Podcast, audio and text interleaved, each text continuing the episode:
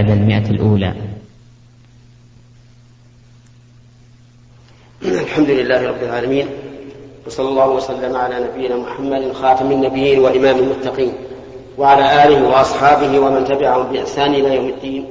أما بعد فهذا هو اللقاء الخامس والخمسون بعد المئة من اللقاءات الأسبوعية التي تتم كل خميس والتي يعبر عنها بلقاء الباب المفتوح وهذا اللقاء هو يوم يوم الخميس السادس عشر من شهر يوم الخميس السادس عشر من شهر محرم عام ثمانية عشر وأربعمائة وألف. نبتدئ هذا اللقاء بتفسير آخر سورة الذاريات من قول الله تبارك وتعالى وما خلقت الجن والإنس إلا ليعبدون. أي ما أوجدتهم بعد العدم إلا لهذه الحكمة العظيمة وهي عبادة الله تبارك وتعالى وحده لا شريك له. شو آخر واحد على اليسار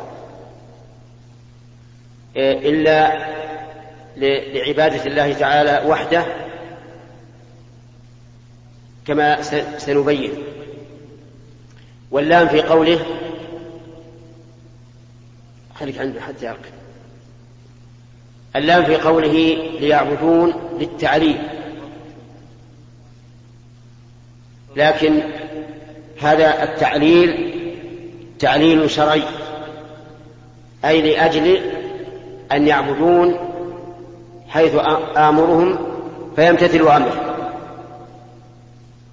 وليست اللام هنا تعليلا قدريا لأنه لو كان تعليلا قدريا لزم أن يعبده جميع الجن والإنس.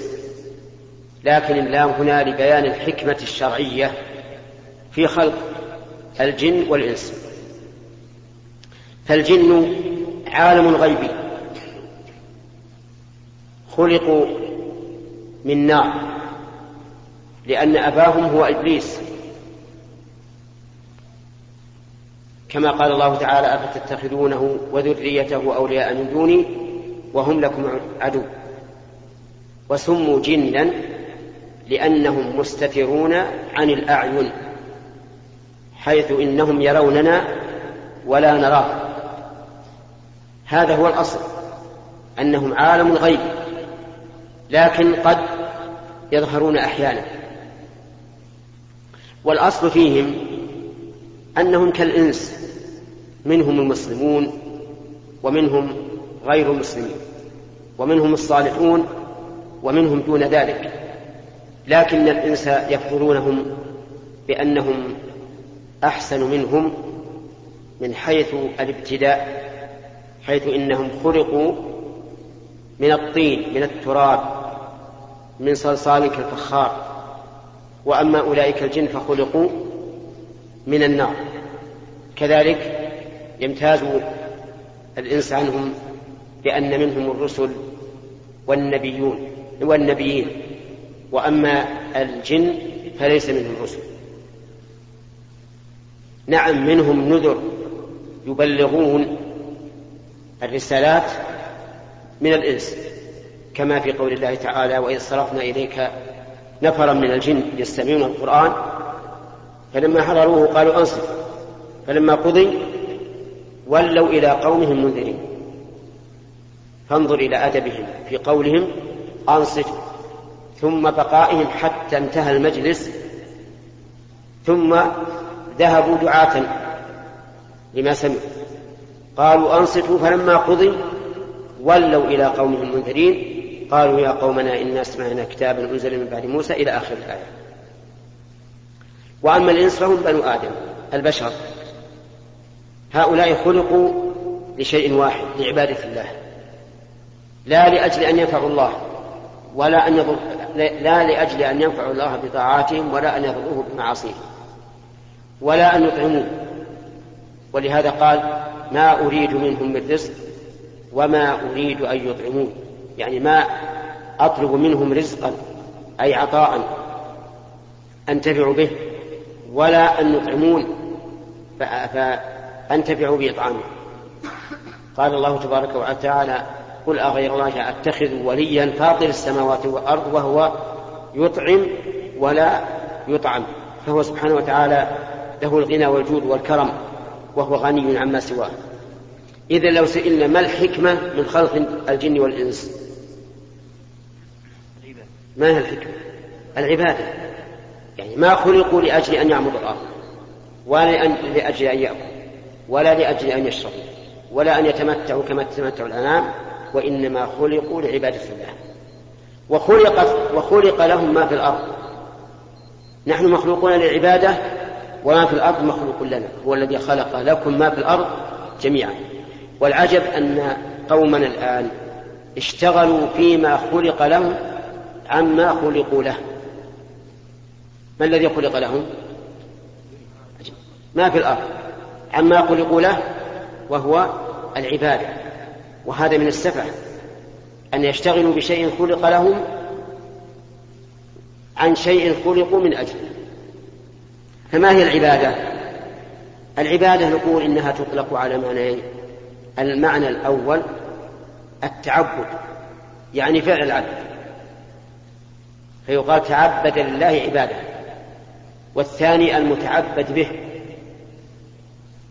وهذا المعنى قال عنه شيخ الإسلام ابن تيمية رحمه الله إنه اسم جامع لكل ما يحبه الله ويرضاه من الأقوال والأعمال الظاهرة والباطنة وكل ما يقرب إلى الله. فهي اسم جامع لكل شيء. فالصلاة عبادة والصدقة عبادة والصوم عبادة والحج عبادة والأمر بالمعروف عبادة والنهي عن المنكر عبادة. كل ما يقرب إلى الله من قول أو فعل فإنه عبادة. فإذا العبادة تطلق على معنيين. المعنى الأول المعنى الأول التعبد الذي هو فعل العبد. والمعنى الثاني المتعبد به الذي هو العبادة.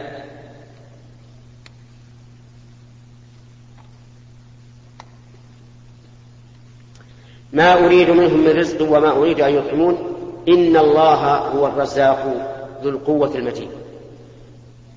هو الرزاق يعني هو صاحب العطاء الذي يعطي فالرزق بمعنى العطاء ومنه قوله تعالى وإذا حضر القسمة أولو القربى واليتامى والمساكين فارزقوهم منه أي أعطوهم. وكلمة الرزاق أبلغ من كلمة الرازق. لأن الرزاق صيغة مبالغة تدل على كثرة الرزق وعلى كثرة المرزوق. فرزق الله تعالى كثير باعتبار كثرة المرزوقين. كل دابة في الأرض على الله رزقها من إنسان وحيوان من طائر وزاحف من صغير وكبير. هل يمكن أن نحصي أنواع المخلوقات اللي على الأرض؟ نعم لا يمكن. لو قلت لك أحصي العوالم التي في الأرض ما استطعت فضلا عن أفرادها. كل فرد منها فإن الله تعالى متكفل برزق وما من دابة في الأرض إلا على الله رزق فإذا كان الأمر كذلك صار رزق الله كثيرا كثيرا باعتبار إيه؟ المرزوق. من يحصي المرزوق؟ لا أحد يحصيه. أيضا هو كثير بالنعمة الواحد باعتبار الواحد منه كم لله عليكم من رزق؟ كثير لا يحصى. رزق الله رزق الله لك دار عليك ليلا ونهارا. رزقك عقلا وصحة ومالا وولدا وأمنا وأشياء لا تحصى. وإن تعدوا نعمة الله لا تحصوها. ولهذا جاء اسم الرزاق بالتشديد الدال على الكثرة. وقول ذو القوة أي صاحب القوة التي لا قوة تضادها. كما قال الشاعر الجاهلي يقول أين المفر والإله الطالب والأشرم المغلوب ليس الغالب. هذا وهو جاهل. فقوة الله عز وجل لا يضاهيها قوة. قوته عز وجل لا يعتريها ضعف. بخلاف قوة المخلوق.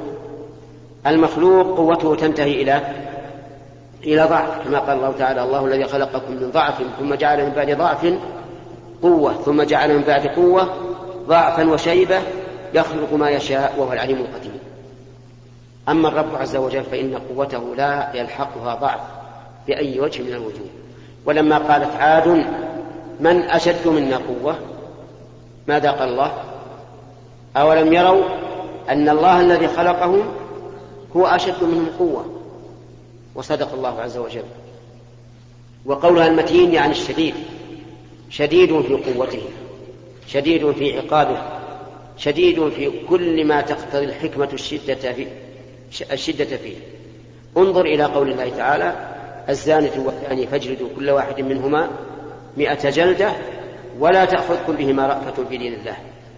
إن كنتم تؤمنون بالله واليوم الآخر. هذه شدة. لا تأخذكم بها من الرأفة الله عز وجل أرحم الراحمين. ومع ذلك يوصينا بل ينهانا أن تأخذنا الرأفة في الزاني نعم في الزانية والزاني. لا تأخذكم بهما رأفة. وهذا دليل على القوة من قوته عز وجل أنه سبحانه وتعالى خلق السماوات والأرض في ستة أيام. وهل تعب؟ عجيب. لا. أولم يروا أن الله الذي خلق السماوات والأرض ولم يعي بخلقهن ومن قوته وقدرته أنه جل وعلا يبعث الناس كنفس واحدة فإنما هي زاجرة واحدة فإذا هم بالساهرة والأمثلة على هذا كثيرة فهو جل وعلا له القوة البالغة التي لا يمكن أن يضاهيها أن يضاهيها أي قوة. ثم قال تعالى فإن الذين ظلموا ذنوبا مثل ذنوب أصحابهم وإلى آخر السورة في لقاء قادم إن شاء الله تعالى. نبدأ الآن بالأسئلة من اليمين.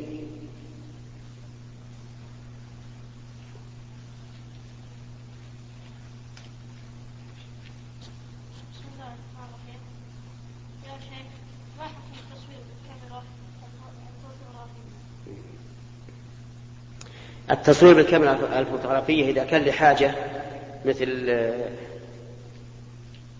تابعية رخصة القيادة لا بأس به لأنه في ح... لأن الناس في حاجة لهذا. أما إذا صور لأجل أن يحتفظ به للذكرى فهذا لا يجوز لأن اقتناء الصور للذكرى محرم كما جاء في الحديث عن النبي صلى الله عليه وسلم أن الملائكة لا تدخل بيتا فيه صورة. فضيلة الشيخ بارك الله فيكم وسدد أقوالكم وأنفر في الآونة الأخيرة كثيرا ما نرى ونسمع عن حالات الانتكاس. نسأل الله الثبات لنا ولكم. فما هي في نظركم الأسباب الدافعة لهذه الظاهرة وما هي المقومات المعينة على الثبات؟ نرجو التوضيح.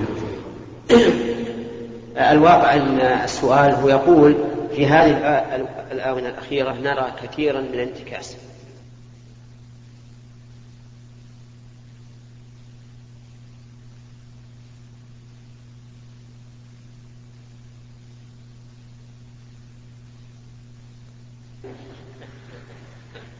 الانتكاسة والحمد لله ما هي كثيرة. بل بالعكس نرى كثيرا من الناس يتجهون لكن الحقيقة أن الشباب يحتاج إلى قيادة حكيمة إلى أناس يثق بهم الشباب ويكون عندهم علم شرعي مستمد من كتاب الله وسنة رسوله صلى الله عليه وسلم ومنهج السلف الصالح. من الصحابة والتابعين والأئمة من بعدهم وأتباع الأئمة. منهج صحيح قوي ينظر في الحاضر وينظر للمستقبل وأيضا على علم على على إيمان إيمان بالله عز وجل. فالشباب في الحقيقة في الوقت الحاضر يحتاجون إلى قيادة حكيمة لأن القيادة المتهورة توقعهم في الهلاك. المتهورة التي تريد أن تصلح الناس بين عشية وضحاها. وهذا أمر مستحيل. سنة الله عز وجل. ونضرب لكم مثلا. إن نبينا صلى الله عليه وسلم ينزل عليه الوحي صباحا ومساء. وبقي في مكة ثلاث عشرة سنة يدعو الناس. ولم يستجب له إلا القليل. إلى حد اضطر فيه إلى أن يهاجر ويغادر بلد الله الأمين.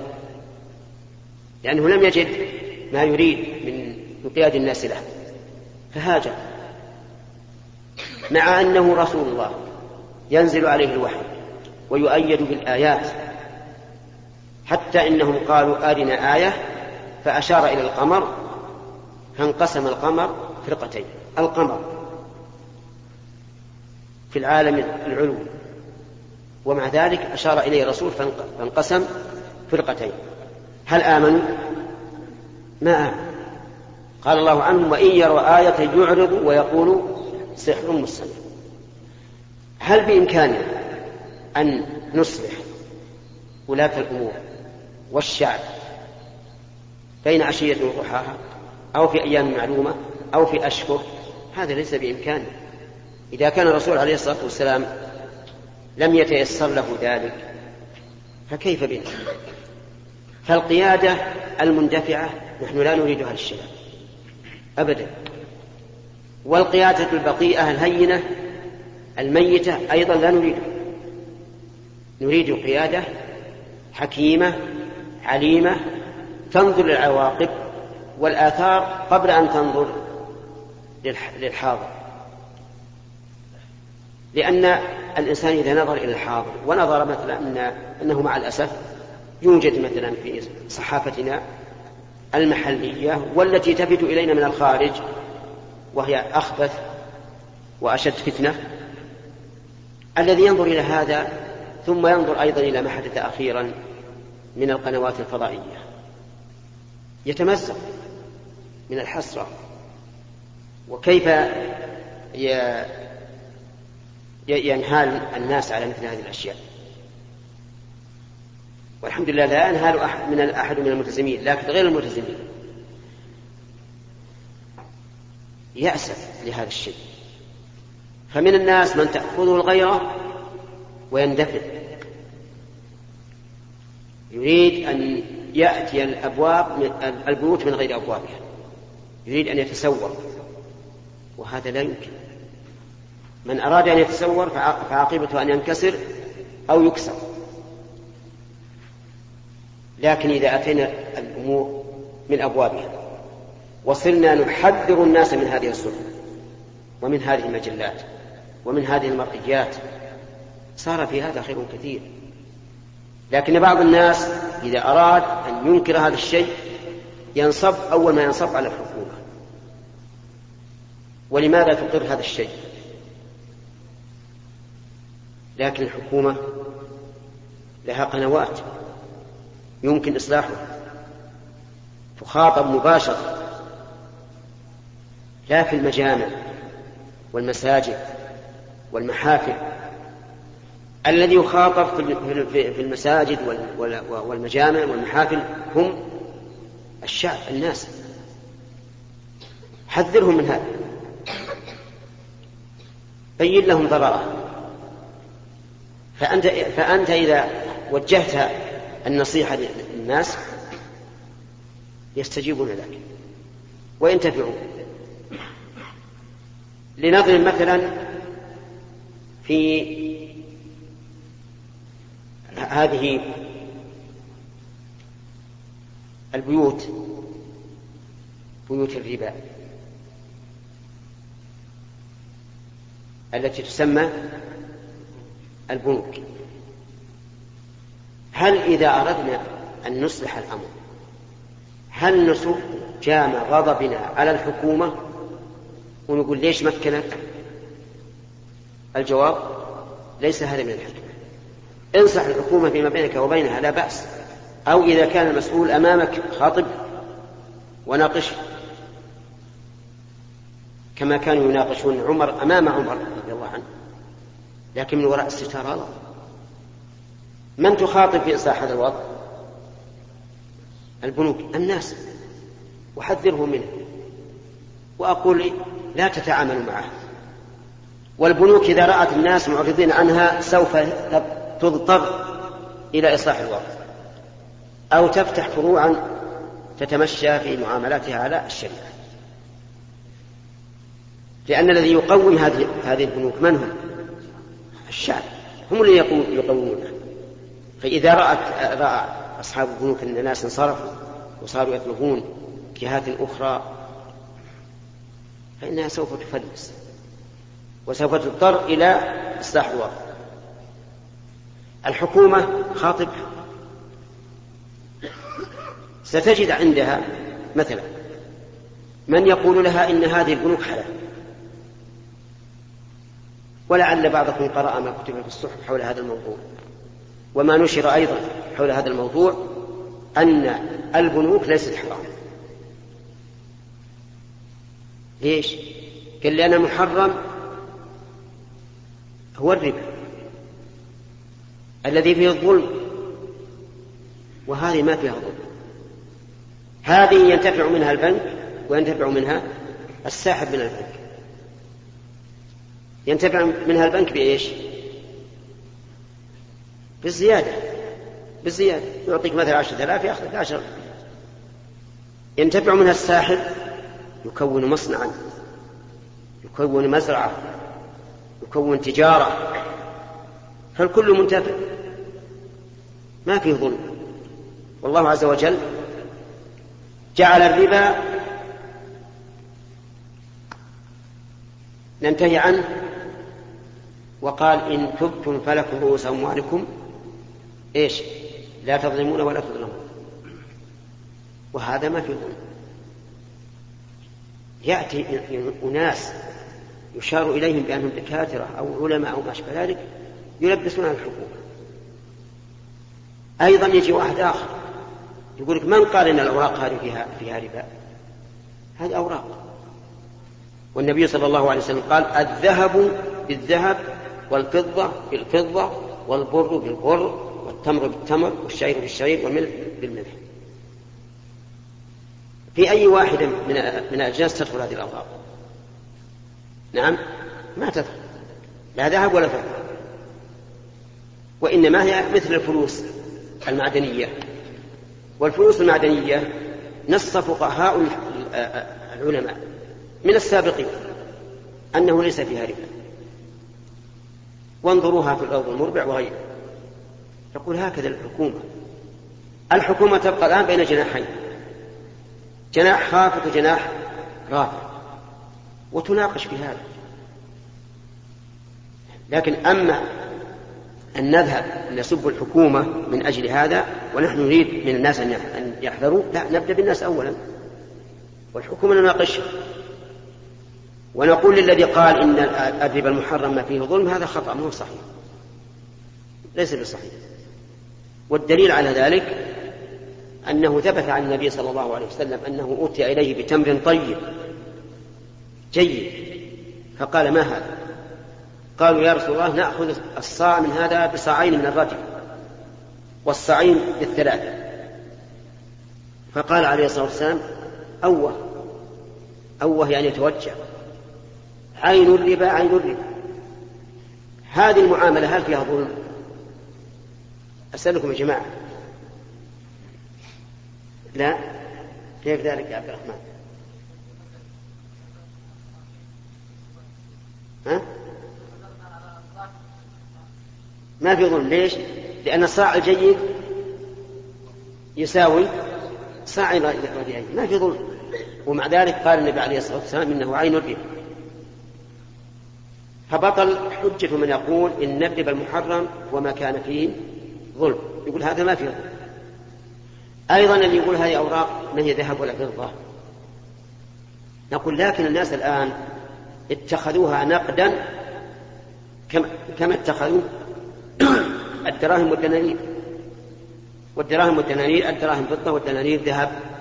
فقد اتخذها الناس نقدا يستعملونها كما يستعملون الدراهم والدنانير سابقا والقاعدة الشرعية أن البدل له حكم المبدل. فبطلت هذه الحجة أيضا. لكني أنا أتيت لكم بهذا المثال لتعلموا أن الدولة ما هي دائما ليس عندها إلا من يرى تحريم الربا في هذا في هذه الأوراق أو في هذه المعاملة. يأتيها من كل مكان. ولها من يقرؤون الكتب ولها من يقرؤون الصحف. وهذا مثال فقط يعني ولا في أشياء أيضا أخرى. ألم تعلموا أن ابن حزم وهو معروف إمام في في الفقه من الظاهرية ألم تعلموا أنه يجيز الغناء والمعازف؟ نعم. هو يجيزه. يجيزه. ومن الناس من ينشر رأيه الآن. وقبل أسبوع قرأنا هذا في الصحف. وقرأ و... و... وتبين لنا أن فيه رسالة دكتوراه. تبيح الغنى والمعازف نعم. إيش موقف الناس؟ وش موقف الناس؟ ابن حزم من المتقدمين. وتبعه من تبعه. وأناس عندنا من المتأخرين يجوزون هذا. نعم. ونحن نرى هذا غلط. وأن الحديث صحيح. حديث ابي مالك الأشعري أو أبي, أبي موسى الأشعري الذي رواه البخاري. أن النبي صلى الله عليه وسلم قال ليكونن من أمتي أقوام يستحلون الحرى والحرير والخمر والمعازف فجعل النبي صلى الله عليه وسلم المعازف مع إيش؟ مع الزنا والخمر والحرير للرجال. لأن هذه الأمور الأربعة بإذن الله متلازمة نسأل الله العافية.